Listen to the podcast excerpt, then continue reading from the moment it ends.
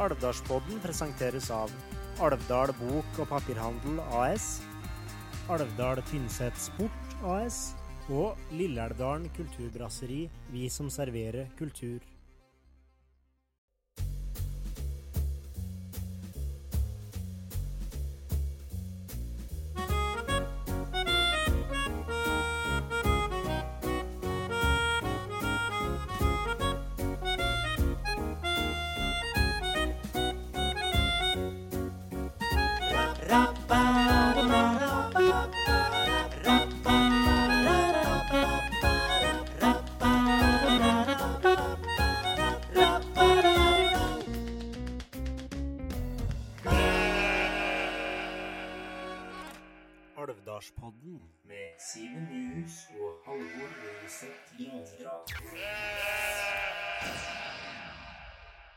Ja, hei og hopp sann igjen, og hjertelig velkommen til nok en episode med Alvdalspodden.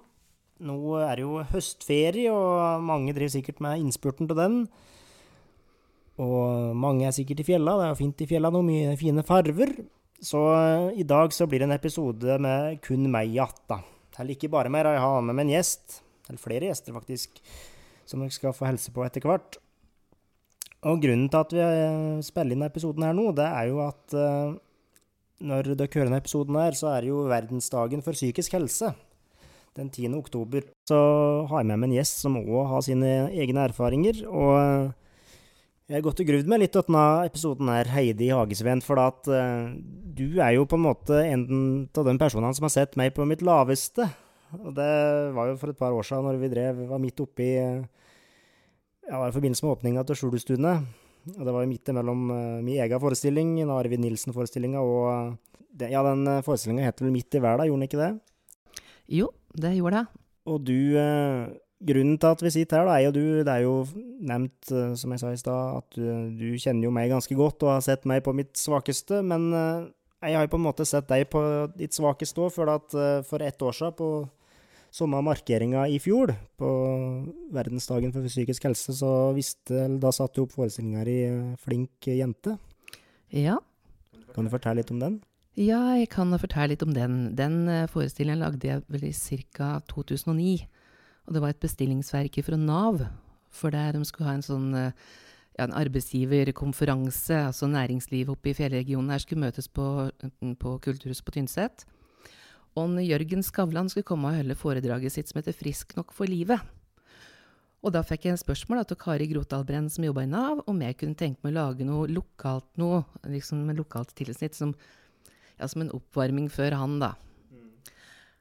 Og jeg, vet du, jeg syns jo sånt er skrekkelig artig, da. Alt med som har med scene og, og, sånt og skrive og, og sånn. Så sa jeg selvfølgelig ja med en gang. Og så tenkte jeg, etter at jeg hadde sagt ja, tenkte jeg herregud, hva jeg har tatt på meg. Jørgen Skavlan. Norges mest berømte og populære fastlege. Han skal komme, og så skal jeg varme opp for han.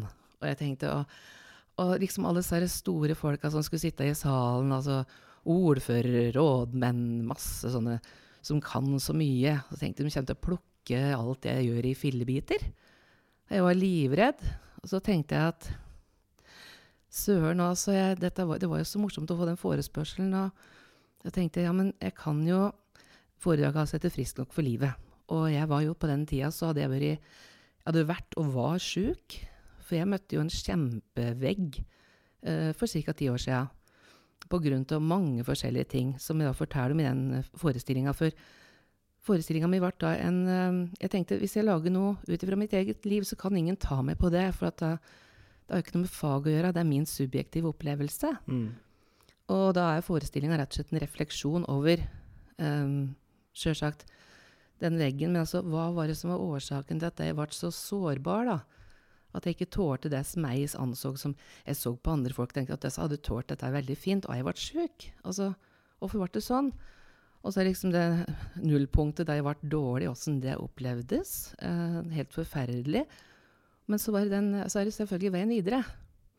Og den er minst like viktig i den forestillinga, så er det å formidle for meg at Vi formidler til andre da, at det er en vei videre. For de aller fleste av det, iallfall. Uh, mm. Men uh, men du, ja, jeg hadde jo flaks. Jeg traff noen riktige folk underveis som ga meg noen noe gode råd og sånt. Og, Og så er jeg litt arg sjøl. Så, så det var liksom veien fram til det som i dag er et godt liv, da. Ja. Åssen gikk du fram uh, i den prosessen der, da? For at uh, jeg har jo sett deg, og det, det måtte jo til ganske mye sjølransakelse av egne følelser for å ende opp med det sluttproduktet. Ja, jeg plukka hele livet mitt i fillebiter sjøl. Ja. Og prøvde å analysere og, og finne ut For under den perioden som jeg var dårlig, så hadde jeg hadde to timer hos psykolog. Det var det eneste. Så det var ikke sånn at det gikk jevnlig til psykolog. Jeg, jeg, jeg satte meg ned, skrev ned, tenkte gjennom livet mitt, var innom alle sånne vonde ting. Uh, og, og, så på hva, hva er det som kan ha prega meg her. Og da så jeg jo for meg den veggen her som det etter hvert var tagga det ene stygge tingen etter den andre om meg. Um, nå skal det sies, jeg, jeg, vil, jeg vil understreke det at det er klart når jeg lagde denne forestillinga, så var jeg ikke helt i vater. Absolutt ikke. Og jeg lette så etter hvorfor, hvorfor ble jeg så svak. Men det er jo Selvfølgelig har jeg jo i det livet mitt opplevd gode ting. Men disse her, her vonde tingene var så store, de var så omfattende, at de overskygga alt det gode som måtte komme. da. Mm. Men, men, det var det jeg gjorde. Jeg plukket fra, fra han hele livet og, og, så på, og den veggen den ble styggere og styggere og styggere til jeg sa pang. Og så var som sagt dette tomrommet der jeg var dårlig. Og så var det altså å se på hva var det jeg gjorde. Hva, var det, hva slags viktige små ting var det som gjorde at jeg klarte å komme videre. Ja. Hjelper det å lage ja. Hva skal jeg si Ja, rett og slett uh, rote i sitt eget uh, topplokk? Ja, det hjalp veldig. Og, og, det er klart at um, Jeg tenker jo sånn noen ganger for at det, det, er greit nok å ransake seg sjøl og tenke over mye, men hvis den blir grublen altfor mye, så er det ikke sikkert du kommer ut av den hengemyra i, hele tatt noen gang. Det, det, da kan du bli liggende og bare Da blir det som kvikksand, at du synker dypere og dypere. Så um, men, men, for meg så hjalp det jo. Jeg har jo spilt noen forestillinger mange ganger. Jeg var på turné i Trøndelag bl.a. Jeg har spilt det for store bedrifter. Og, og, stort sett så ender det med at folk de, de går, Det er snørr og tårer, og det er masse snørr og tårer på meg òg, og mye latter. Og så er det det at eh, jeg er så glad ikke folk kommer bort til meg etterpå og sier at 'å, men stakkars deg', for det er ikke det som er poenget. Mitt liv har ikke vært noe mye verre enn andre sine liv. Uh, det er jo noen uheldige ting, men, men, uh, men at folk de kjenner igjen seg. Ja, de kjenner igjen seg, og da blir jeg veldig glad når noen kommer bort til meg og sier at ja, fy fader, jeg skal slutte å ta på meg så himla mange kaker til kakelotteri, altså. Det er, det er altså alle så småtingene. Uh, og det er én person som kommer til meg, det, det var oppe i Trøndelagen. Han var litt, uh, han var litt fortørnet. For han syntes at ja, han hadde teaterutdanning, og at det var en dårlig forestilling. Og tårene mine burde jeg ikke vise, for det var så ubehagelig. Og så jeg, jeg tar med meg det du sier, så jeg, men jeg har ikke forandra det. For, er ikke det litt poenget, tenker jeg? Jo, for jeg tenkte at da traff jeg noe hos deg som var vondt. Og da kanskje du går hjem og tenker at OK, her traff han noe. Og, og poenget med forestillinga her er ikke noe, dette er ikke noe koseforestilling. Anbefaler ikke for småunger. Uh, det gjør jeg ikke. Og, og det er, det er, dette her er beregna på at folk skal kjenne litt inni seg, altså. At dette her uh, Kanskje bør jeg gjøre noe med livet mitt, ja. Mm. Mm. Jeg, jeg syns hun var rett og slett jævlig sjøl. Mm. Jævlig, jævlig, fin, men òg jævlig vond. Ja. Og Nei. Det, men jeg skjønner ikke Det må ha vært fryktelig vondt å når du har spilt den forestillinga så mange ganger, og så gjør det om igjen og om igjen. For det er jo som å stå og stappe en kniv i brystet på seg sjøl hver gang. Ja, det koster meg mer og mer. Det gjør det. For, gjør det, ja. At, ja, for nå begynner mange å de vonde tingene som skjedde, de begynner jo å komme såpass på avstand. Så når jeg skal inn igjen i den forestillinga, så er det ganske lang forberedelse, og det er å grave seg ned og kjenne på det vonde igjen, altså. Mm. Men samtidig, så når jeg da er ferdig med det, så er jeg liksom og enda mer letta enn jeg var før. For liksom, jeg tenker at ja, det er et tilbakelagt stadium. Det kan stadig komme motgang, men dette der var det, er, det, er liksom, det var da. Ja. Så. Tror du du kommer til et punkt der du ikke har lyst til å spille noe mer? da, For at du, blir, du har på en måte lagt lokk på det? Det kan hende, men så lenge jeg opplever at folk syns at det er hjelp for dem, så da, da går det greit. Altså, jeg, jeg er såpass uh, nå skal jeg si skolert, det hørtes blærete ut, men som skuespiller, da. At, at, eh, ja, jeg går ned dit, men jeg kan fint gå ut igjen. Og, Og, og som sagt, det er til hjelp for andre. Mm. Det var veldig til hjelp for meg før, og sånt, men nå er det liksom mer det at jeg tenker at dette kan hjelpe noen andre. For jeg, i jobben min per i dag, da, som sykepleier i bedriftshelsetjenesten, så jeg treffer så mye folk som er på tur dit jeg var.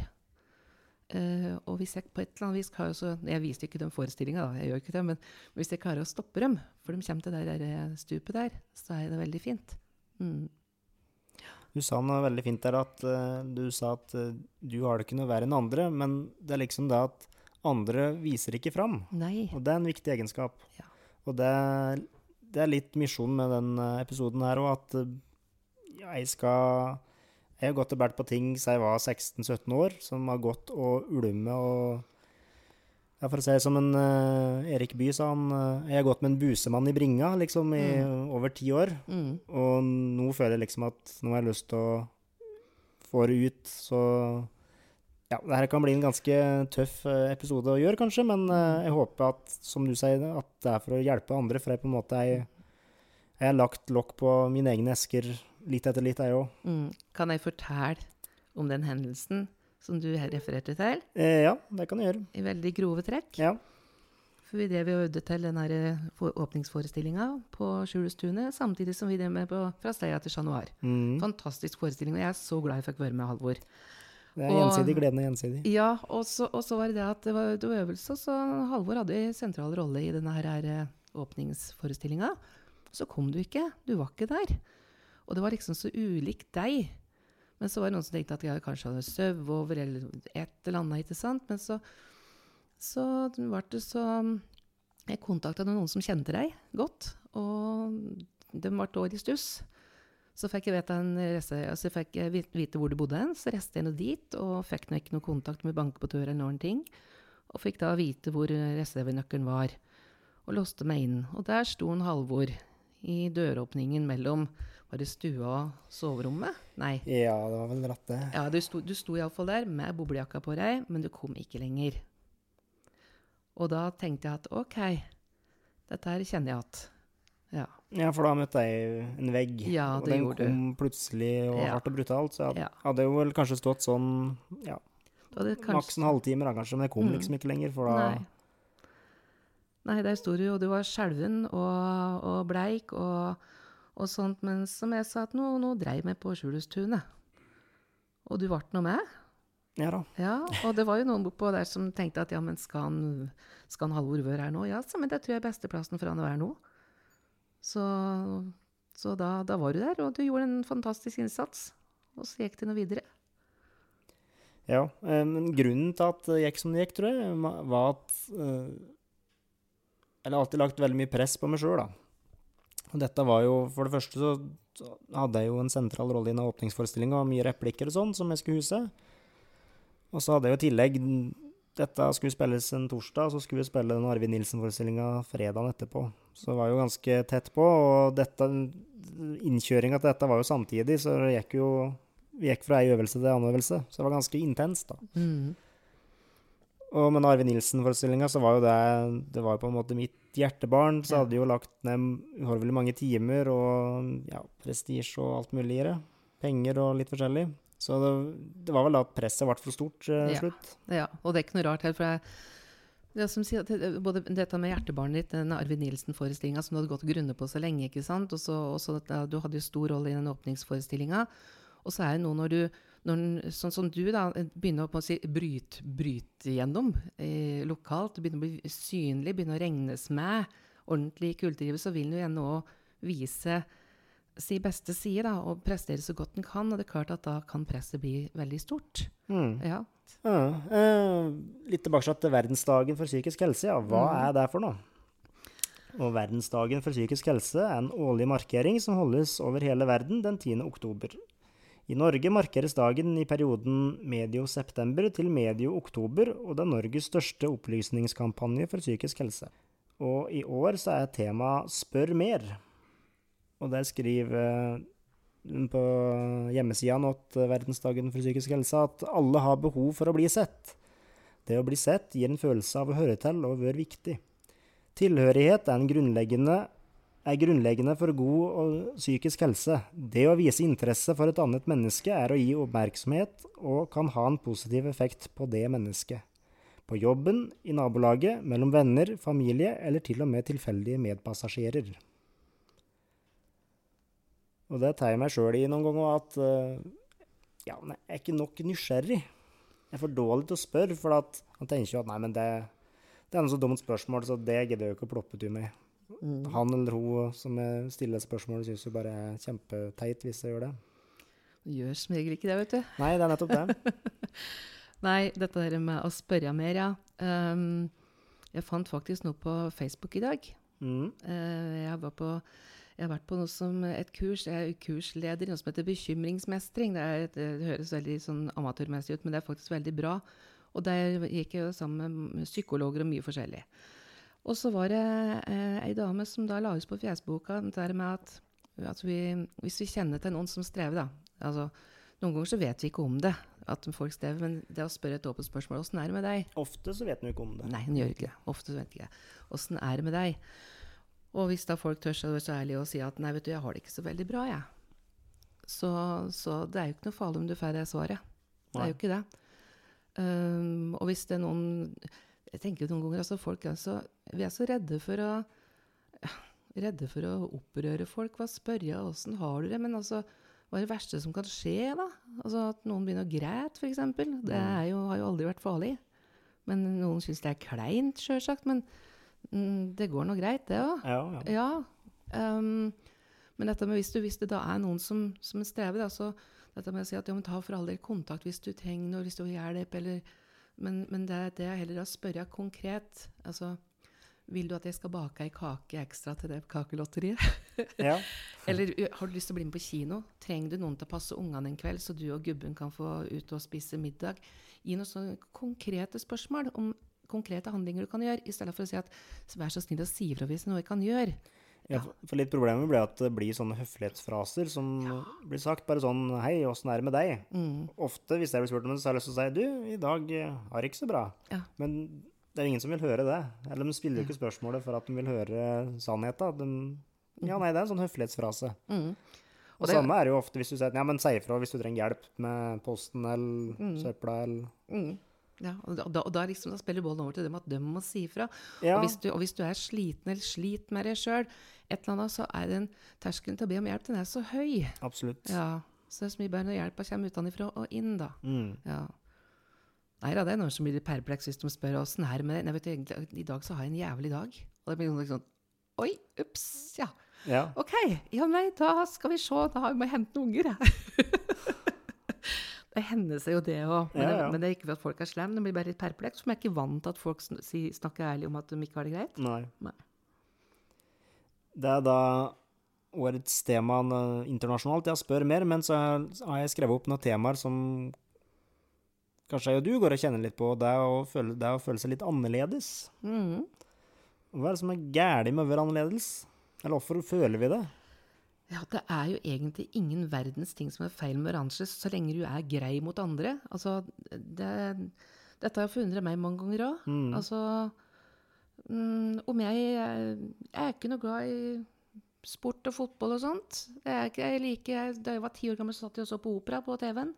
Og det er klart det var ikke så mange på den alderen, og som, i min vennekrets, den var veldig snever, da, for å si det sånn. men men det var ikke så mange andre som gjorde det da. Men altså, hva er det som er feil med det? Og hva er det som er feil med om den er litt tjukkere eller litt tynnere eller snakker litt annerledes? Jeg skjønner ikke det der. Nei. Men jeg kommer aldri til å forstå det her. Jeg gjør ikke det, altså. Hva for noen andre ting var det som gjorde at du For det vet du du har sagt at, en gang, at du har følt deg litt annerledes, du òg. Mm. Nå var det jo hva skal jeg si, skraft litt snerk ut av kakaoen, men for å gå litt dypere inn på det, hva ja, Hva for noe i ditt DNA er det som gjør at du har følt deg annerledes? Ja Ja, skal jeg si om det? Um, for det første, altså Det som gjør at jeg, noe av det, er jo det at jeg ble så plaga som da jeg var unge. Da jeg kom på skolen, hadde to Jeg tror jeg fikk gå i fred to dager på skolen. Og så var det mobbing fra dag tre, tenker jeg. Sånn cirka det. Og det fortsatte hele tida på, på, barneskolen, ungdomsskolen og til og med videregående, men da hadde en annen karakter. Og jeg skjønte aldri altså, Ja, men ok, så er jeg litt tjukkere enn de andre, men hvorfor kan ikke jeg få være med for det? Mm. Ja, jeg snakker litt annerledes, for jeg er født på Lillehammer, men altså, hva jeg, jeg kunne aldri fatte det. Og jeg husker jeg spurte noen til som mobber han rett ut at hva er det som er feil med meg? Da? Ja, du er så jævla feit og tjukk og stygg. Ja, men så kan ikke jeg bare få være det? Altså, jeg går ikke rundt og er slem mot dere for det. Nei, nei. Så alt, alt der på, på barne... Liksom, med dette der så følte jeg meg liksom utafor og annerledes da. Men jeg skjønte jo ikke hva jeg gjorde for noe feil. Men jeg prøvde jo alt mulig rart for å bli godkjent. Og så er det det at jeg har så mye, jeg har så mye rare tanker i huet mitt. Det er så mye rare tanker og ideer, og så er jeg til tider så Altså jeg er jo veldig kreativ, da, og det kan gi seg mange slags rare utslag, det. Og, og jeg prøver å se an dem som jeg har rundt meg, om de tåler at jeg bryter ut i full blomst, eller om jeg bare prøver å sitte og holde bånd på meg, liksom. Men, men jeg, også er jeg så opptatt av at jeg liker så godt å leke. Og jeg har jo noen i omgangskretsen min som liksom «Men Heidi, hallo. Altså, det er ikke, du, hallo, nå må du ro litt ned, når du er ikke bare fem år gammel. Ja, men jeg er det innvendig akkurat da. Jeg har lyst til å være det da. Um, jeg liker å skrive. Jeg, og jeg, jeg assosierer det, det, det bobler jo ned hele tida. Og det er ikke så godt for alle å forstå, alle disse rare greiene.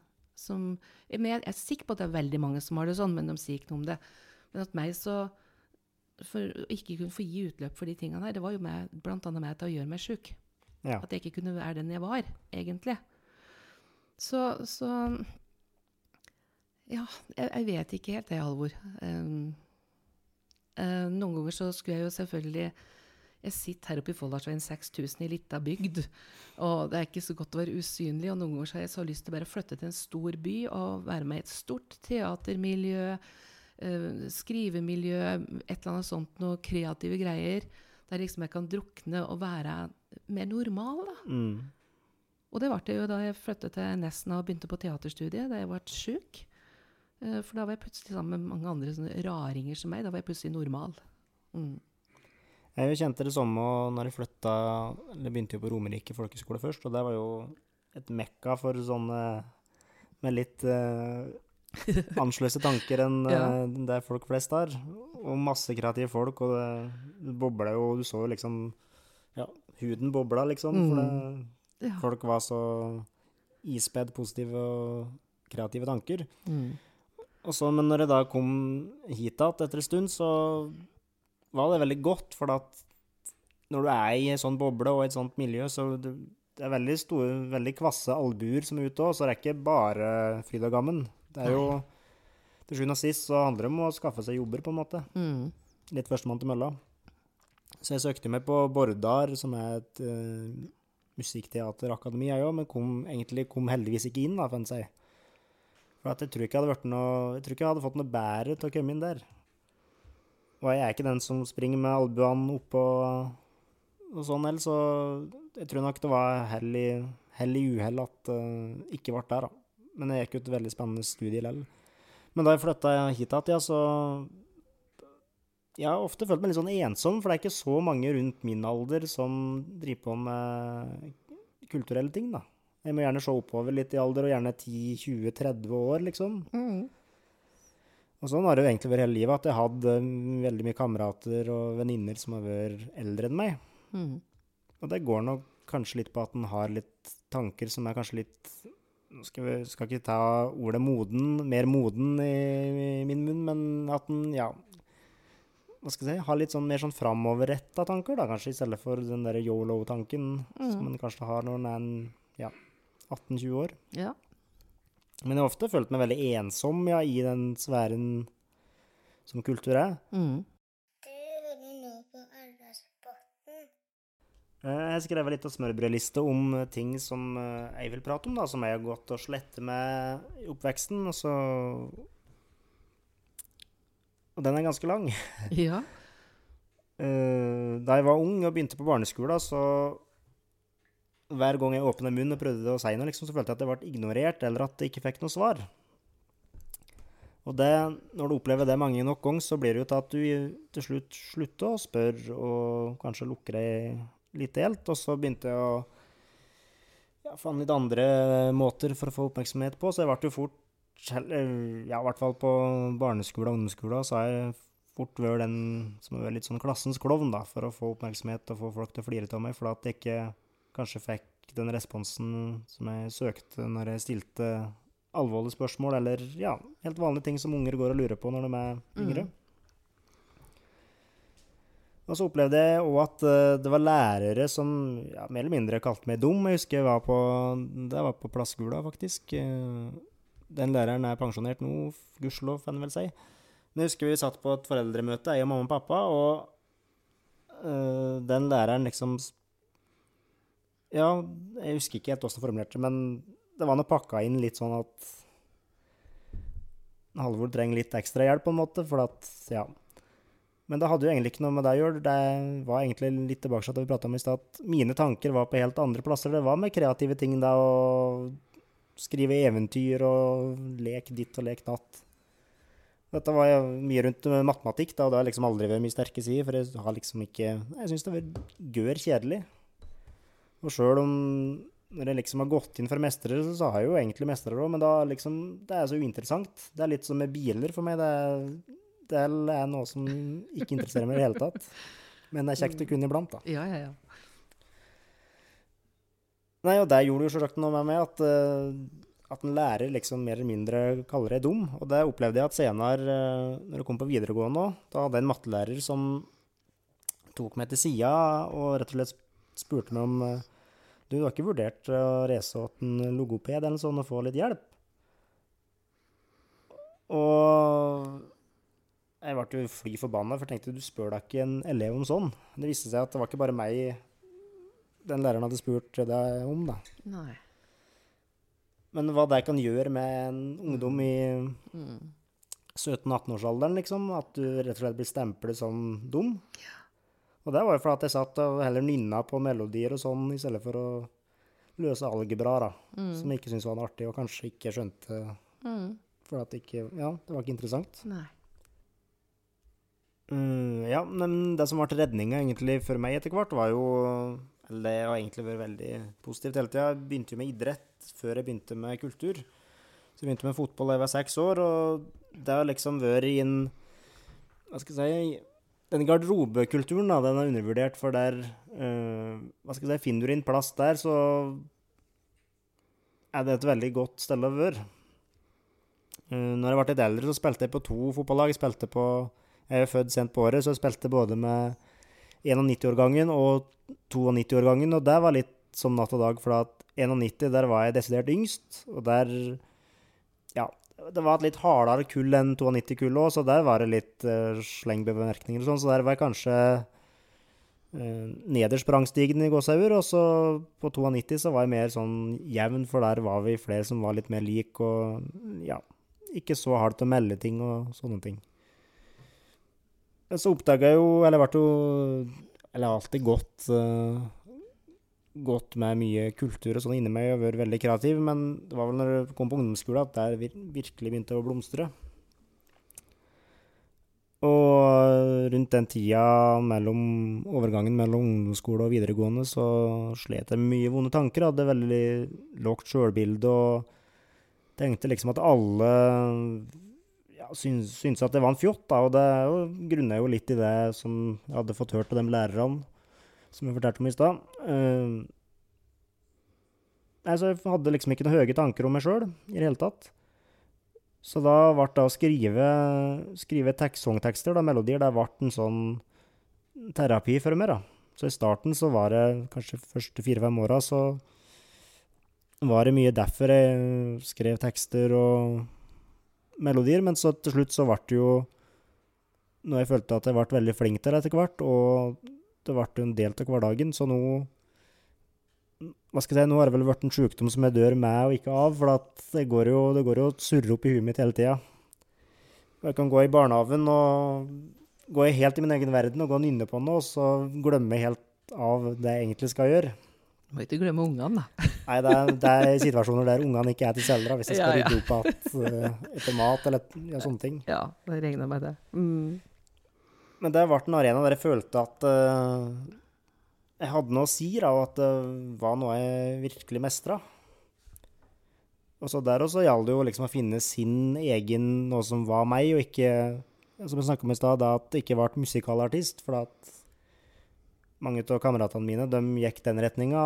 Og ja, du kjenner jo både Snorre og Åsmund, du. Mm. Og jeg ville jo liksom være som dem, jeg òg. men samtidig så var ikke det helt meg lell.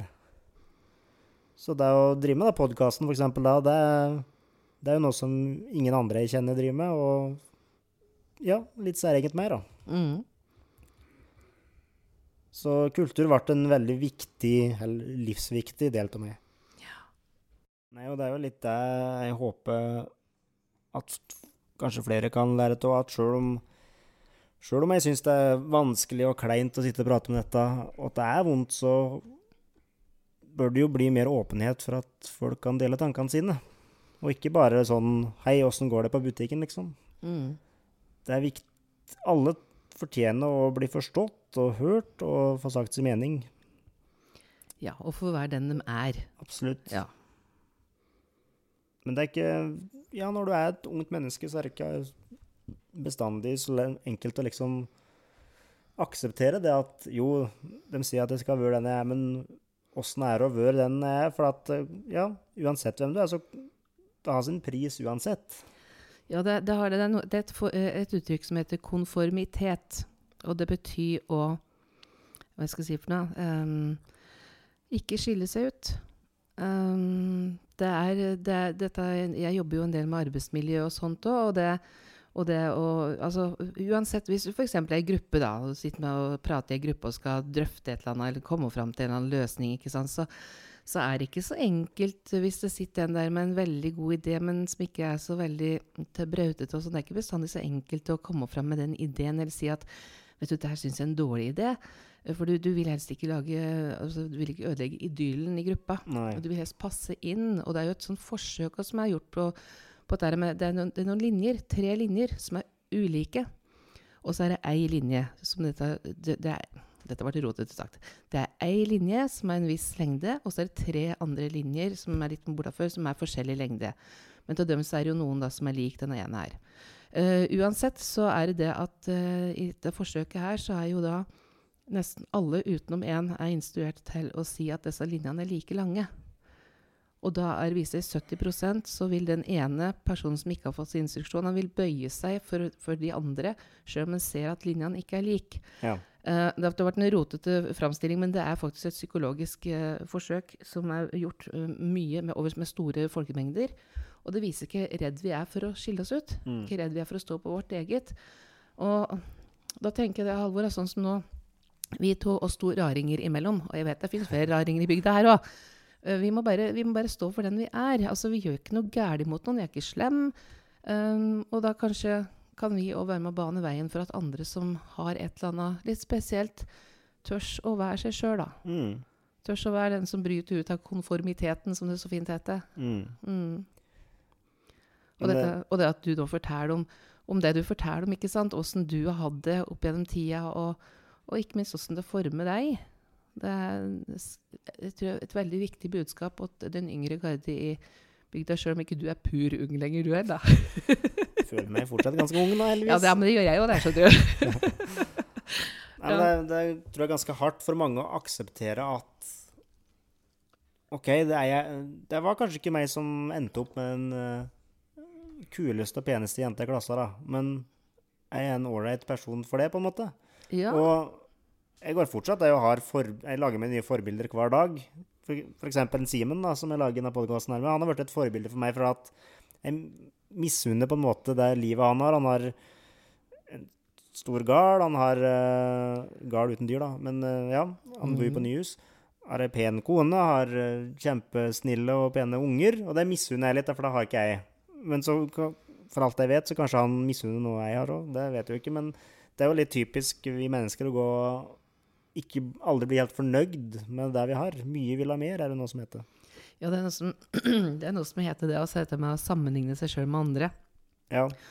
For hvis jeg har, eh, Selvfølgelig har jeg dager som ikke er noe sånn ålreit, og da, da prøver jeg bevisst å skygge unna, sånn som Facebook. da.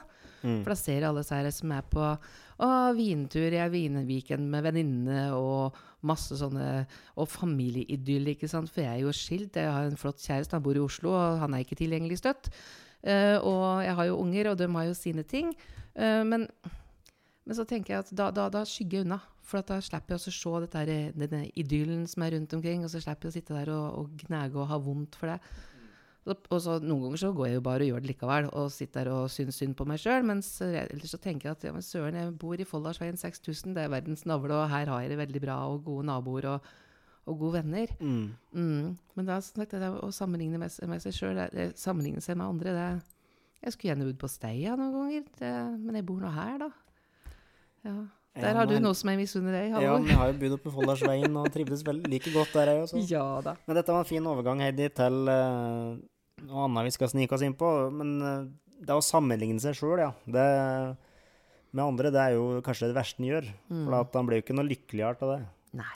For noen dager siden så hadde en eh, publisert en Martin Holmen, som er journalist og radiovert i P3, en artikkel på Facebook, som gikk på dette med sosiale medier, da, og at eh, ja, i korte drag han eh, var lei til å framstille livet sitt som så perfekt og liksom eh, happy som det kanskje kan se ut til.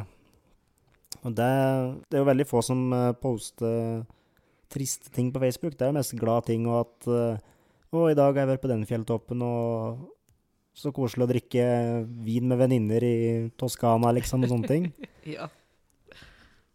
Og det, det var en veldig fin artikkel Martin skrev om det, men så gjorde jeg mine, litt mine egne tanker, og det at det å poste ting betyr jo ikke at en skal fremheve seg sjøl nødvendigvis. For meg ofte Jeg poster veldig mye sånne små musikksnutter og sånn, der jeg sitter og spiller et instrument eller et eller annet. Men det er jo ikke for å høste likes, for det Jeg har ikke en sånn status at jeg får noe mye likes uansett, men det er liksom Hvis jeg hadde en dårlig dag, bare da sette seg bort på et instrument og få vist hva jeg sitter og pusler med, og få vist hvem jeg er, det er liksom misjonen min mer, da. Og jeg er ikke noe flink med video og sånne ting, så det ser jo som regel er litt sånn kornete og en litt sånn mørk eh, lampe som holder på og går, og ja. Så det Ja. ser jo ikke perfekt ut. Og, men det er liksom litt misjonen min med å poste ting, og at det trenger ikke å være så perfekt. Og om jeg spiller, sitter og spiller og spiller feil, hva gjør det på en måte? For det er jo bare for å vise Ja, nå sitter en Halvor og spiller og koser seg med det. Mm. Og enten kan det være for at jeg sitter og koser meg med det, eller så er det for å liksom at jeg skal prosessere noe som kanskje har skjedd litt før på dagen, da. Mhm. Jeg ser, det hender at jeg kikker tilbake på Facebook. Eh, for at den kan jo gå veldig langt tilbake og se hva den har skrevet for noe. Og jeg ser jo egentlig noen ganger veldig godt når jeg har vært i en periode som ikke har vært så ålreit. For at da kan det være sånn I dag trenger jeg en klem. Eller mange klemmer. Og så kjenner jeg masse, masse klem, klem, klem, klem. klem. Og faktisk, noen ganger, det hjalp jo. For at da, da fikk jeg liksom Jeg fikk noe respons. Eh, da følte jeg meg som regel veldig aleine, og, og, og kanskje ikke orka ut blant folk heller. Men jeg ser jo sånn som i, senere årene, da, at når ting har liksom stabilisert seg litt mer, så enten så, så har jeg lange perioder jeg ikke er der. Altså jeg kan godt inn og kikke og sånt. og øh, jeg har endt opp med gratis sofaer og sånt. Så, noe som gir meg stor glede. Men ellers så tenker posten poste noe hver uke. Eller jeg, men så noen ganger så tenker jeg at i dag har jeg lyst til å poste noe. Da er det som regel jeg tenker at dette kan være noe som kan glede andre. Noe som komigreier eller et eller annet. Jeg tenker at nå tenkte jeg at du lurt noe her. Men, øh, men jeg har jo en, en serie jo den her, her perfekte verden. Så er det noen som ser, ser at de har veldig behov for å bli sett. da. For det er stadig nye ting. Stadig nye skifter av profilbilder. Stadig nye Ja. Så Og dette som Martin snakker om, dette at med å være for forbilde da, for så mange unge. Og at han, eh, har, fø har ført folk bak lyset. altså Han har jo Sånn, ikke det. han, han har slett ikke det, vet du. Men det, men det, er- det er den bevisstheten som han viser nå rundt hva, hvordan, hvordan det kan påvirke. mm. Når du ikke viser at du har en dårlig dag. Mm. Det er bare så morsomme tingene som kommer fram. Det er jo dette som er litt skummelt hvis en leser avisoverskriftene på nettet òg. Det er jo bare sånn slik. Får du bedre kropp slik, eh, blir du gladere slik. eh. Det er Ja. bare sånne ting. Ja. Jeg leser ikke verken papiraviser eller nettaviser lenger, for det er bare samme mølja hver dag. Ja. Nei, det er eh, det, er- det Og jeg, jeg blir så sliten av det, for Ja. at eh, Ja, du ser den, altså. Kroppene fra Paradise Hotel og sånn, da, så tenker du at uff, sånn kropp har ikke jeg. Dette må jeg gjøre noe med. Det er jo sånn du sitter og tenker til slutt. Ja, ja. Mange sitter og tenker sånn til slutt, da. Ja, men det er jo det, er jo det klart at det er mange som, som, ja, som tenker sånn, og, så, og det Jeg må jo bare innrømme at Paradise Hotel Jeg vet at mange ser på og syns det er kjempemorsomt og interessant, men jeg syns ikke det er så interessant å se alle disse unge menneskene som bare ligger med hverandre og alt dette der. For er Selvfølgelig de kan bare gjøre det, det er en naturlig ting, det, men men det er liksom, altså, hvor grunt skal det være, da? Hallo! Mm. Altså, jeg ser da like gjerne på noe annet, men jeg, nå er jeg 55 år gammel, da, så det er klart. Og en sånn kropp det, det tror jeg ikke jeg kommer til å oppnå noen gang. Ikke med all verdens operasjoner. Nei, Nei. men det er liksom framstille Ja.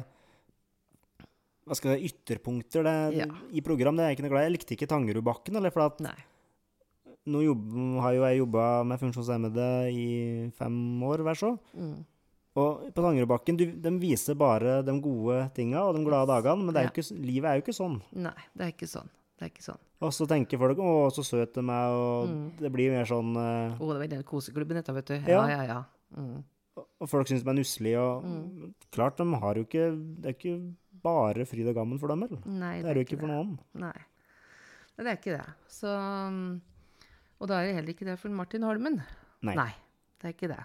Og det, jeg tror ikke jeg kjenner et eneste menneske som bare har solskinnsdager. Nei. Nei. Det, den Martin skal ha ros for, er at jeg har jo gått i skole med han i ti år. Og kjenner jo ganske godt, men han, han har vært seg sjøl fra fra jeg ble kjent med han da han begynte i andre klasse. Han flytta til Alvdal og begynte i andre klasse. Han har vært seg sjøl ifra da og fram til nå. Han gjør seg ikke til liksom sjøl om han uh, hva skal jeg si, har fått en hatt som gjør han til en kjendis. Mm. Og det er noe han skal ha veldig stor ros for, og er en kjempegod egenskap.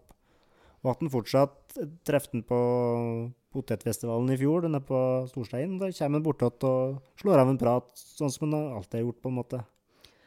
Og da skulle jo han, da skulle jo han være litt programleder attåt, og vært den radiostjerna attåt, men det var så Ja, den overgangen var helt sømløs, for at han er seg sjøl uansett. Ja, for det kan fort gjort å miste seg sjøl når du får en sånn, en sånn status da, som kjendis. ikke sant? Så kan det fort gjort å miste fotfestet sitt. Du Mm. kan godt forstå at folk gjør det. Så, men den Martin har jo ikke det. Nei. Nei, og det, det merker jeg med meg sjøl, men sånn er jo sikkert alle, alle at eh, litt avhengig av åssen folk er rundt, så kan jeg uh, hva skal jeg si, finstille meg etter det, da, kan du si. At de er veldig trygge på. Da kan det være litt sånn som vi pratet på i stad, litt klassens klovn og sånne ting.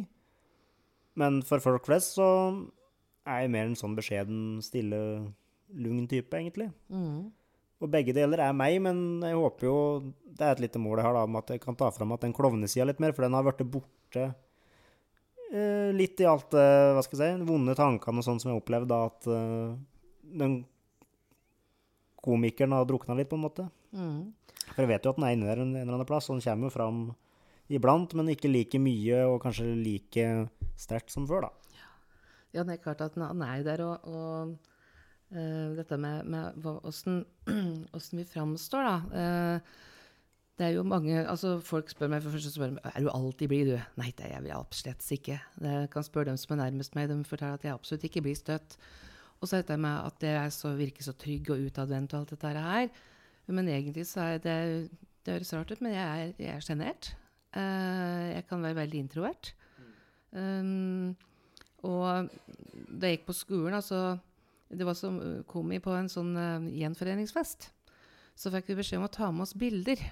Eller sende inn bilder da, til komiteen på forhånd og skrive litt om hva vi hadde drevet med i livet og sånt. Og så skulle det selvfølgelig være felles fremvisning. Dette der er egentlig en uting, for det var en del folk som da ikke møtte på den festen, for de hadde ikke noe mye stort å slå i bordet med. Nei. Men, eh, men greit nok, det var jo ikke noe vondt ment, vond tanke bak. Og så kom det liksom til meg, og så Jeg hadde jo ikke noe, jeg har nesten ikke bilder av meg fra ungdomstida. Mamma tok, mamma og pappa tok ikke mange bilder, og jeg, som jeg, sånn som jeg så ut, så tok jeg selvfølgelig ikke noen bilder av meg selv eller ba noen ta bilder. Så da var det eneste skolebildet. Og folk ble så overraska. Men Heidi, det må jo finnes flere bilder av deg? Nei, sa jeg. Jeg var vel ikke noe å ta bilde av? Og liksom det ble så rart og stille. Ja, men du har jo drevet med så mye. Mm. Ja, se, men det er jo først liksom når jeg kom i voksen alder, altså at jeg drev med mye forskjellig. For jeg torde jo ikke før. Bare sånn gitt uh, i noen, noen situasjoner. Så det ble, det ble så rart å stille på, men så fortsatte vi videre på andre bilder. Og det sa jeg nei, bare gå videre nå, sa jeg. Men det var, altså folk de har jo da tydeligvis et helt annet bilde av meg enn åssen jeg hadde det sjøl. De så på meg som både Og jeg prøvde jo som sagt alt mulig for å passe inn, da. Mm. Alt ifra å være krampesos til å gå med masse svart sminke og, og være røff og tøff i kjeften. Så jeg virka sikkert Altså, jeg virka sikkert både ufin til tider og alt mulig rart. Men jeg er faktisk da en, eh, til tider en litt sjenert type. Introvert og, og som kan godt sitte aleine oppi her i mange dager, jeg, og sulle med mitt uten å savne noen ting. Ja. Og grue meg for å gå på steia noen ganger. Ja. For jeg tenker, da må jeg sette med smilet. Da må jeg være den blide Heidi. Ja. Sånn er det med meg òg. Bare for å Hvis dere hører litt kremting og sånn i bakgrunnen iblant, så er det eh, kjæresten og Heidi som sitter og ser på TV og sitter og harker litt. Så vi er sitter ikke på noe sjukehus eller Nei, noe sånt. det er ikke korona. Nei. Nei, det er jo Noen ganger måtte ta på seg et glis. Jeg er jo eh, aldri vært noe, til noen utredning eller sånn, men jeg er helt sikker på at jeg har noen form for sosial angst. For at jeg kan ha veldig gode dager, og jeg kan ha veldig dårlige dager. Med, med det at ja, det å gå på butikken da, at og treffe kjentfolk Noen ganger så har jeg bare lyst til å bare skjene forbi og ikke se på folk, mens andre ganger så kan jeg virkelig dra på og stå og prate kjempelenge. Og jeg vet i ungdomstida så ble det ofte Folk trodde jeg var arrogant for at jeg ikke kanskje helste eller smilte. Men det var jo fordi at den dagen så ja, hadde jeg ikke noe godt med meg sjøl og var usikker, kanskje. Mm. Så hadde det ikke noe med å gjøre at eh, jeg ikke hadde lyst, men det var bare at nei, jeg klarte ikke. Og sånn kan det være nå òg. Kan treffe på folk jeg kjenner veldig godt, men har jeg en dårlig dag, så Ja, nei, da har jeg bare lyst til å bare gjemme meg bort. Bli ferdig med det jeg skal. Kommer hjem igjen. Ja. Ja. Og sånn er det bare iblant. Ja. Nei da, sånn er det bare. Og, og det, det er jo litt gjenkjennbart. For som sagt, noen ganger jeg bare må nedover for at jeg må, jeg må ha noe, jeg må innom butikk. Men andre dager så tenker jeg å nei, uff, jeg har sikkert noe hjemme. Nei, jeg orker ikke. Jeg orker ikke møte noen folk i dag. Nei. Nei. nei. Og det er ikke for at jeg Jeg vet ikke. Ja, nei, jeg, det, det kommer liksom an på med, om en dag som jeg kjenner at jeg har energi og glede og lyst til å prate med folk. Uh, men det er slett ikke alle dager at jeg har det. Nei. Så Nei, dette er rart. Um, og så er det dette med det jeg, skal, jeg har noen, sånne, noen spesielle situasjoner som jeg, som jeg kvier meg for, og det høres også sikkert veldig rart ut, men det er med utgangspunkt i åssen jeg hadde det i skoletida. Og det f.eks. å gå på en buss, det syns jeg er helt pyton. Ja. Gå inn på et tog er helt pyton. For når jeg kommer på bussen, eller, altså, eller på, inn på en kafé, f.eks. Taverna og sånt, jeg, jeg må liksom jeg må, jeg må se fort hvor, hvor skal jeg hen, og så spør jeg fort dit. Fordi at jeg var så vant til at da, hvis det kom inn på en sånn plass, så satt noen og slengte dritt. Jeg ville helst være så usynlig som mulig, og det hengte inn dag i dag. Jeg gjør det jo sjølsagt, for ellers hadde det blitt veldig trælete. Men, men det hengte i fremdeles. Denne lille angsten når jeg går inn den døra, er noen som slenger dritt etter meg nå. Og det er sånn eh, Enda jeg så, såpass gammel blitt, så henger det fremdeles tid. Og så var det dette med Noen sier til meg at ja, men var det virkelig så ille som du sier, eller som du kjenner på? For det første så tenker jeg at en skal aldri spørsmålssette uh, den subjektive opplevelsen av det å bli plaga. For at det er den som blir plaga, som kjenner åssen dette der er. Mm. Og så gikk jeg en periode og tenkte at ja, men jeg har sikkert bare, jeg var sikkert bare ekstra hårsår, tenkte jeg. Ja, det sitter sånn, var ikke så vant til folk. Bodde oppe i Folldalsveien her og ble jo søkt inn på skolen et år for tidlig pga. mangel på lekekamerater. Um, men så, så var det ikke Det er ikke mer enn jeg tror det er to år siden. Enten så var det ett eller to år siden. Jeg er litt dårlig på tidsbegreper. Men da kom det faktisk en jeg gikk på skole sammen med, så sa han til meg du Heidi, sånn Vi var ikke snille mot deg på skolen. Jeg ble veldig perpleks. Det var mye folk rundt oss òg, men Og jeg bare Nei, sa jeg. Nei, det var ikke det. Nei, sånn, vi var vel egentlig rett og slett jævlige. Uh, ja. Og jeg er veldig glad at jeg sa ja, og at ikke bare Nei da, men det kjære, såpass må da tåle. Det er helt typisk å svare det, ikke sant? Men jeg klarte å si at ja. Ja. Men det var så rart, for jeg fikk ingen spesiell reaksjon da. Jo, jeg ble veldig fortustet, veldig perpleks. Um, og vedkommende ba veldig om unnskyldning, og som hun sa at du skal bare vite det at jeg gikk hjem fra skolen mange dager, og jeg hadde vondt i maven, for jeg visste at i dag har jeg gjort noe jeg ikke skulle gjort. Jeg har vært slem. Men da jeg kom hjem igjen, så fikk jeg en voldsom reaksjon, for da kom liksom at det var jo virkelighet. Og dette hadde jeg liksom bare på en måte lagt lokk på. Eh, Så for meg så ble det en bekreftelse på det at jo, det var faktisk ille. Og jeg har lov til å føle at det var ille. Og for den personen som da kom til meg og ba om unnskyldning etter så utrolig mange år, så tror jeg òg at det var en befrielse. For dette hadde nok han kjent på de gangene som han trefte på meg. Helt sikkert. Ja. Så det vil jeg iallfall si hvis det sitter noen der som hører dette og tenker at jeg har vært slem mot noen noen gang. Det er aldri for sent å gå og si at vet du, beklager. Beklager. Ja, så tenk så mange som egentlig bare blir drevet med for at han stormobberen kanskje Ja, er en kule i en gjeng, da, og så Ja, blir resten Ja. Det kjenner jo meg sjøl i òg, i Ja.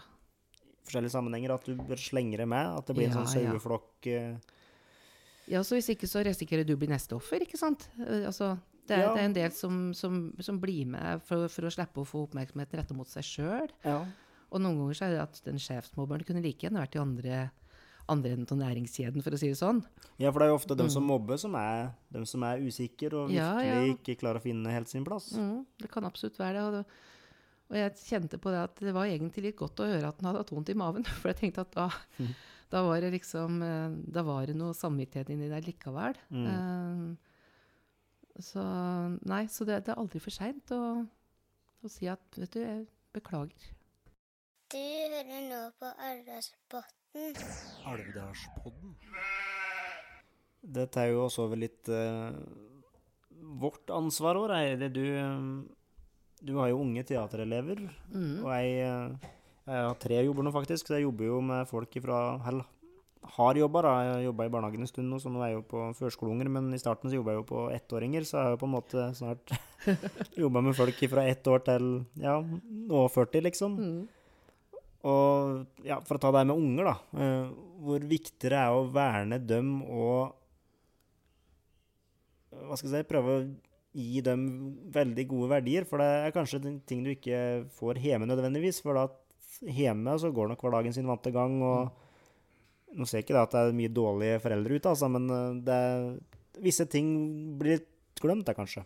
Ja, så kan det, klart Når ungene er i andre miljøer, altså er du hjemme, så kan det godt hende at, det- at det er veldig veldig på stell der at mor og far snakker mye om det med å oppføre seg pent og sånn, men så ser de ikke da ungene sine i Kanskje ser de kanskje ikke i de, alle de miljøene ungene ferdes, da. Nei, nettopp. Og, det, og det, vi, vi alle vi, vi preges jo av det vi har rundt oss eh, til enhver tid, og det er så utrolig mange arenaer vi er på. Så når jeg jobber med, jeg jobber med teater, selvfølgelig, teaterelever, og, og noe av det jeg, som jeg slår absolutt hardest ned på, da blir jeg Heidi vred. Altså, det er hvis noen er stygg mot en annen. Sier noe stygt til en annen eller sånt, noe, da, da er jeg ikke nådig. Men vi jobber veldig med, jeg snakker mye om det med å, å akseptere en annen, og så, og så mm, Hva skal jeg si for noe?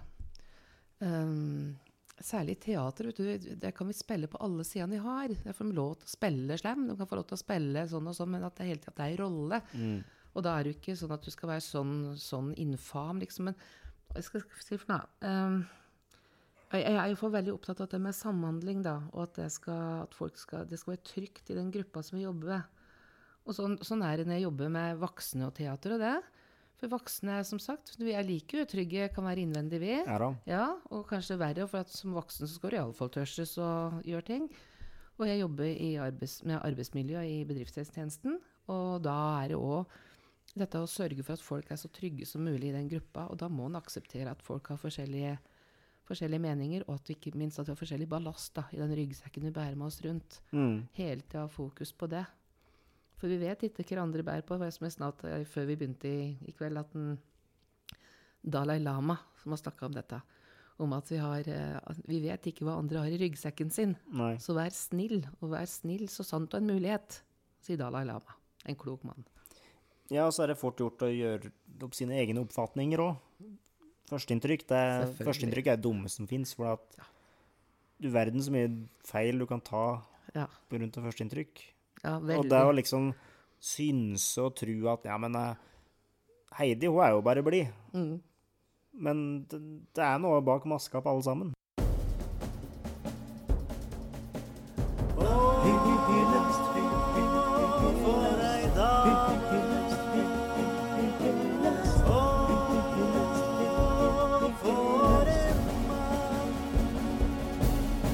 Dagens hyllest. Eh, Vi skal innom ei spalte, Heidi, som heter Dagens hyllest. Og det går ut på at vi skal framsnakke Eller vi prøver å framsnakke noen per eh, hver, eh, hver episode. Og noen ganger så får vi innsendt forslag, og andre ganger så kommer vi med forslag sjøl. Og siste kveldene så har jeg sittet og tenkt litt på hvem som hadde fortjent en hyllest, som passer litt i tråd med det vi sitter og prater om nå, da. Og han ene, den, han har vi allerede nevnt litt. Og han andre, det, begge er egentlig to eh, tidligere skolekamerater av meg. ene er en veldig god kamerat, og den andre er en jeg ser opp til. Og han kameraten, det er en som heter Lars Magne Brun. Og eh, han jeg ser opp til, det er en Martin Holmen. For å ta en Lars Magne først. Han Jeg syns han fortjener en hyllest, for han har, så lenge jeg har kjent den, så har han alltid vært seg sjøl tvers igjennom. Han vært mye erta og hetsa og herja med, i, særlig på ungdomsskolen, fordi at han eh, kledde seg annerledes og farga håret sitt. Og ja, hadde et image da, som ikke gikk i stil med det folk var vant til, kanskje, og ja, hadde aksept for. Eh, jeg husker, ja, når jeg satt og tenkte på dette i går kveld, så kom det veldig mange sånne episoder, sånne småepisoder som jeg kanskje ikke tenkte over der og da, men som i ettertid var egentlig ganske vond å observere, og det kunne vært sånne garderobesituasjoner i gym at de eh, kule guttene sto liksom og rulla i hop håndklær og sto og piska han, liksom, fordi at han, ja, var annerledes og Og jeg har alltid beundra Lars Magne veldig for at, for at han har liksom tørsa å være annerledes, da. Og jeg er ganske sikker på at han hadde ganske mye vondt, så Lars Magne, det er en hyllest til deg, og takk for at du er en god kamerat, og takk for at du alltid har tørsa å være deg sjøl. Det tror jeg veldig mange har lært av. Uh, Martin Holmen, han, eh, ja, han har jo stått for mye av det samme, han har vært seg sjøl og alltid vært litt annerledes. Eh, han sto jo fram som eh, homofil eh, for noen år siden, og det å være homofil i ikke bare i Alvdal og Nord-Østerdal, men i Distrikts-Norge generelt, det tror jeg er ja, For å bruke litt kraftig uttrykk, det tror jeg er jævlig hardt, og det koster ganske mye å kanskje både innse det og innrømme det. Så veldig stor honnør til både Lars Magne og Martin for at dere har tørs å være annerledes, og at dere har vært dere, dere sjøl hele tida. Det syns jeg det står veldig stor respekt av. Og så syns jeg folk generelt kan slutte å dømme folk på grunn av det ene eller det andre. Folk er forskjellige. Enig. Det var dagens hyllest. Arbeidsbotn med Simen og Halvor. Nå har vi sittet og prata en stund, men eh, jeg vil eh, litt inn på det med psykisk helse og barn og ungdom. Mm. For det, det, er, det er viktig for oss voksne, men det er enda viktigere for dem som er Ja, nå har vi prata om våre historier fra ting som er slette med vi når vi var barn og ungdom, og jeg skulle så ønske at jeg kunne ta tak i det der og da. Men jeg, ja, for det første så tørste jeg ikke, og for det andre så visste jeg ikke om at det var et apparat som var sånn uh, lavterskel å ta kontakt med, da. Du tenker jo sånn at psykolog, da er jo, du er jo gal hvis du går til psykolog. Mm. Helsesøster, det er bare flaut og kleint. Mm. Men det er jo ikke det. Nei, det er ikke det. Absolutt ikke. Og så mange som går til psykolog og Jeg har ikke gått til psykolog ennå. Jeg skulle gjerne skulle ønske jeg hadde gjort det på et eller annet tidspunkt. Men jeg har liksom funnet mine egne metoder da, med å takle ting, og det er jo med å være ute i Guds frie natur og drive med musikk. Det er liksom det som helbreder meg. Mm. Men jeg skulle så ønske jeg at jeg hadde funnet ut at det var mye lettere å gå til en psykolog, for det har jo tatt meg år å liksom komme til min sjølmedisinering, på en måte. Mm. Så uh, litt kontaktinfo som eh, kan være verdt å få med seg for foreldre som kanskje har en eh, gutt eller jente som går og føler på litt vonde tanker. Eh, hvordan søke hjelp lokalt? Da er det ei for eh, barneskolealder, ei som heter Helene Røe Johansen. Og for ungdomsskole og videregående så er det ei dame som heter Ingeborg Sandbakken. Hun skal vi prate litt eh, mer med senere i poden her. For voksne så er det ei som heter Ida Synnøve Stillerud og Anne Therese Vanhem. Og på helsestasjonen kan du få hjelp, til, få hjelp angående samliv, seksualitet og pubertet. Prevensjon, kjønnssykdommer, svangerskap og abort. Ernæring, spiseforstyrrelser, livsstil, rusmidler. Psykisk helse som depresjon og angst. Så det er en eh, stor paraply som rommer mye, men eh, Ja, nei. Gjør det som jeg ikke gjorde, da. Gå og søk hjelp hvis du ikke eh, føler på vonde ting. Ja, da har jeg tatt meg en tur ned på kommunehuset for å prate med en veldig blid og hyggelig dame. Og det er Ingeborg Sandbakken, og du er helsesykepleier. Ja. Hva er det for noe? Hva er en helsesykepleier? Helsesykepleier det er det som før het helsesøster, som de fleste kjenner til. Eh, Det er eh, en sykepleier med videreutdanning innenfor barn og unge. Og det er veldig vidt spekter. Eh, Vi jobber med barn egentlig fra fødsel og til eh, 20, og familie, foreldre og hele pakka egentlig. Mm. Så både på helsestasjonen og så er vi på skolen og møter elevene der. Hvorfor valgte du å bli der, da? Det gjorde jeg fordi at jeg ville jobbe med i utgangspunktet friske barn og unge. Em, Jeg syns det er kjempespennende. Møte så å si alle barnefamilier i bygda og veldig mange flotte ungdom som jeg kan hjelpe på en eller annen måte. Ja. Det syns jeg er meningsfylt. Det kan jo ofte være eh, litt hard bøyg og det å ta kontakt med noen profesjonelle og få skikkelig hjelp. Eh, Hvordan tar en kontakt med deg for å komme i kontakt? Når vi er ute på skolen, så har vi sånn fast tid vi skal være tilgjengelige. Og da er på en måte poenget at vi skal ha åpen dør, sånn at elevene sjøl skal vite når vi er der, at de kan komme og oppsøke oss. Så vet vi at eh, noen ganger så er den terskelen litt høy allikevel. Da kan si ifra til en lærer eller kanskje en venn at de gjerne skulle ha prata med noen, så kan de hjelpe til å ta kontakt med oss. Da er det jeg, og så er det ei som heter Helene, som hun er borte på barneskolen. Ja. Eh, Men eh, det er viktig at vi er synlige, at elevene ser oss og vet hvor vi er, og hvor de kan finne oss. Og I tillegg så kan de komme på helsestasjon for ungdom en ettermiddag i uka. Det er på torsdager etter skolen. Da kan de komme hit på helsestasjonen, og da trenger de ikke å være synlige. Nei. For det er jo et poeng for noen at ingen skal se at de prater med oss, da. Nei. Mm. Uh, hvor mange dager er dere på skolen, da? På barneskolen så er Helene på mandager og torsdager. På ungdomsskolen er jeg på mandager og Storstein på tirsdager. Så det er to Ja. dager på barneskolen, én dag på ungdomsskolen og videregående. Men er ungdom i Alvdal flink til å bruke dette tilbudet? Ja, det syns jeg at de er. Eh, og veldig ofte så tar de kontakt på telefon. Eh, at det kanskje er første møte, liksom. Og sier at 'hei, jeg skulle gjerne prata med deg'. Eh, uten å trenge å si noe mer om hva det gjelder, men at vi da kan lage oss et møtepunkt. Enten på skolen eller her. Ja. Og så kommer de enten alene eller sammen. Og jeg syns at de er flinke til å ta kontakt med både små ting og større, vanskeligere ting. Så bra. Mm. Speiler deg begge kjønn, eller er det Ja, det er et veldig godt spørsmål. Eh, Det er fortsatt sånn, dessverre, eh, at det er flest jenter som oppsøker oss. Ja. Um, Så der har vi litt å jobbe med. Men det er litt sånn det er over hele landet, hele fjøla, at jentene kommer hyppigere. Eh, Men eh, vi jobber med å nå guttene, da. Eh, Og det gjør vi over å på en måte fortelle hva vi jobber med. At vi har taushetsplikt, at de kan komme med hva som helst. Og og ofte så ser jeg at guttene kanskje trenger å komme på en annen arena enn skole, f.eks. helsestasjon for ungdom. mm. Um, Men litt sånn annen kultur fortsatt. Det henger nok litt i at jenter er kanskje flinkere til å på en måte snakke om ting. Um, At guttene kanskje går og heller mer inni seg eller prater med hverandre. Mm. Mm. Og kanskje at guttene Hva skal jeg si? Det å tøffe seg er jo kanskje pga. at du er usikker og Ja, går med litt vonde tanker, da.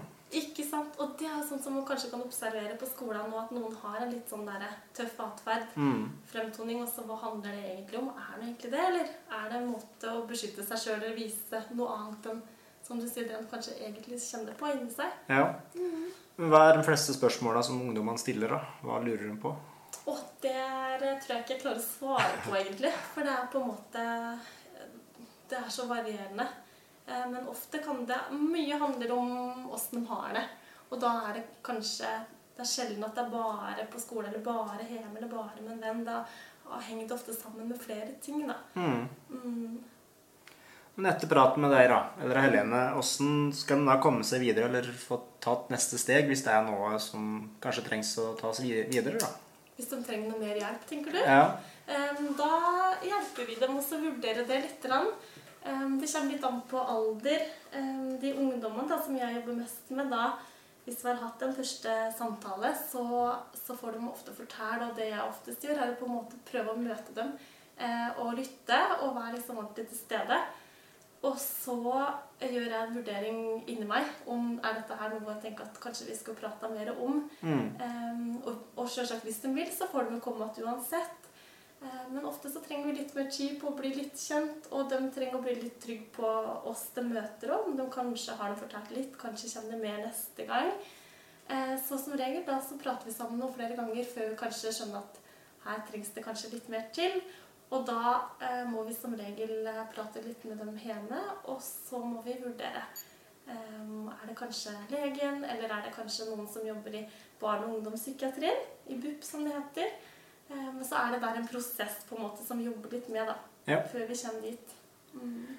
Helt til slutt, da, har du noen enkle tips, tips til hvordan en kan få en bedre psykisk helse? Um, Sånne hverdagsting du kan gjøre? hverdagsting. Ja, jeg tenker at eh, det er viktig å være litt bevisst på hva en liker å gjøre. Ting som kan gi eh, glede og overskudd. Og sånn er vi jo forskjellige, men det å ha noen interesser og sette av tid til dem, det er kjempeviktig. For det er eh, mange ting man skal, man skal prestere og levere på mange arenaer. Eh, både på skole, ungdommer skal gjerne jobbe, tjene penger, de skal være sosiale, de skal være aktive på sosiale medier. Eh, og døgnet har bare 24 timer, så det er hektisk. Mm. Eh, Det å skape seg rom for å eh, slappe av og gjøre ting som er positivt, det er viktig. Mm. Og det er ikke noe fasitsvar, for det, vi er jo forskjellige. Ja, ja, ja. Men et generelt tips er jo sikkert det er lurt å logge seg til sosiale medier da kanskje rett før en legger seg. For det er ofte sånn at hvis jeg sitter på telefonen rett før jeg legger meg, så blir jeg liggende og tenke på ting som jeg kanskje nettopp har lest, eller ikke sant? Og så er det sånn hjernen òg at det her med den hvite skjermen, det stimulerer, sånn at den kan bli mer våken. Og så er det det hvis den ligger med telefonen tilgjengelig og har varsler gjennom natta, så er det en del som blir vekt flere ganger må kanskje må respondere. Ja. Så at det forstyrrer søvn, og det å få nok søvn er kjempeviktig for åssen vi har det. Så det henger sammen med psykisk helse. Så trenger han litt avkobling og hvile innimellom. Og vi trenger å møtes fysisk og være sammen, og ikke bare kommunisere gjennom telefon. Mm. Mm. Så det er viktig poeng, det. Det var bra sagt. Tusen takk for praten, Ingeborg. Jo, i like måte. Da avslutningsvis, eh, på en skala fra null til ti, hvor bra har du om dagen nå, Heidi? Fra null til ti. Mm. Eh, bortsett fra denne senebetennelsen, så det, ja, da var kjæresten på besøk. Og ja da, jeg tror må være ganske nære en Iallfall nier, da. Ja. Det er ganske nære en tier. Ja. Og så vil jeg bare takke for at, at jeg fikk lov til å være med. Veldig tøft av deg, og veldig, veldig hyggelig at du kunne stille opp. Ja, Men Og- tøft, tøft av deg og Halvor. Håper den praten her kan hjelpe andre enn bare oss sjøl. Mm, absolutt. Absolutt. Mm. Da har jeg lyst til å avslutte episoden med en um, sang av Vamp som heter 'Navnet'. Og det handler om liksom det å sette navn på at, det at folk er forskjellige. Åpningslinja er f.eks. at uh, det fins et navn for det, for det du sliter med. Så her kommer navnet av Vamp. Og tusen takk for at dere har hørt på denne episoden.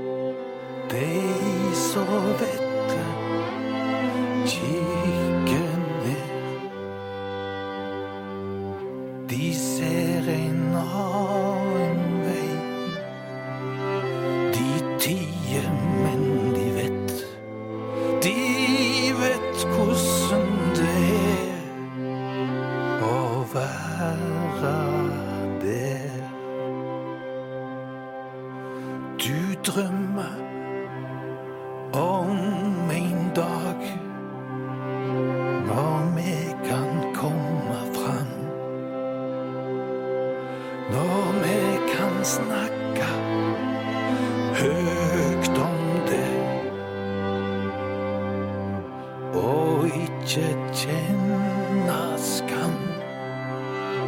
Og møtes i et navn som favner alt det er, og være her.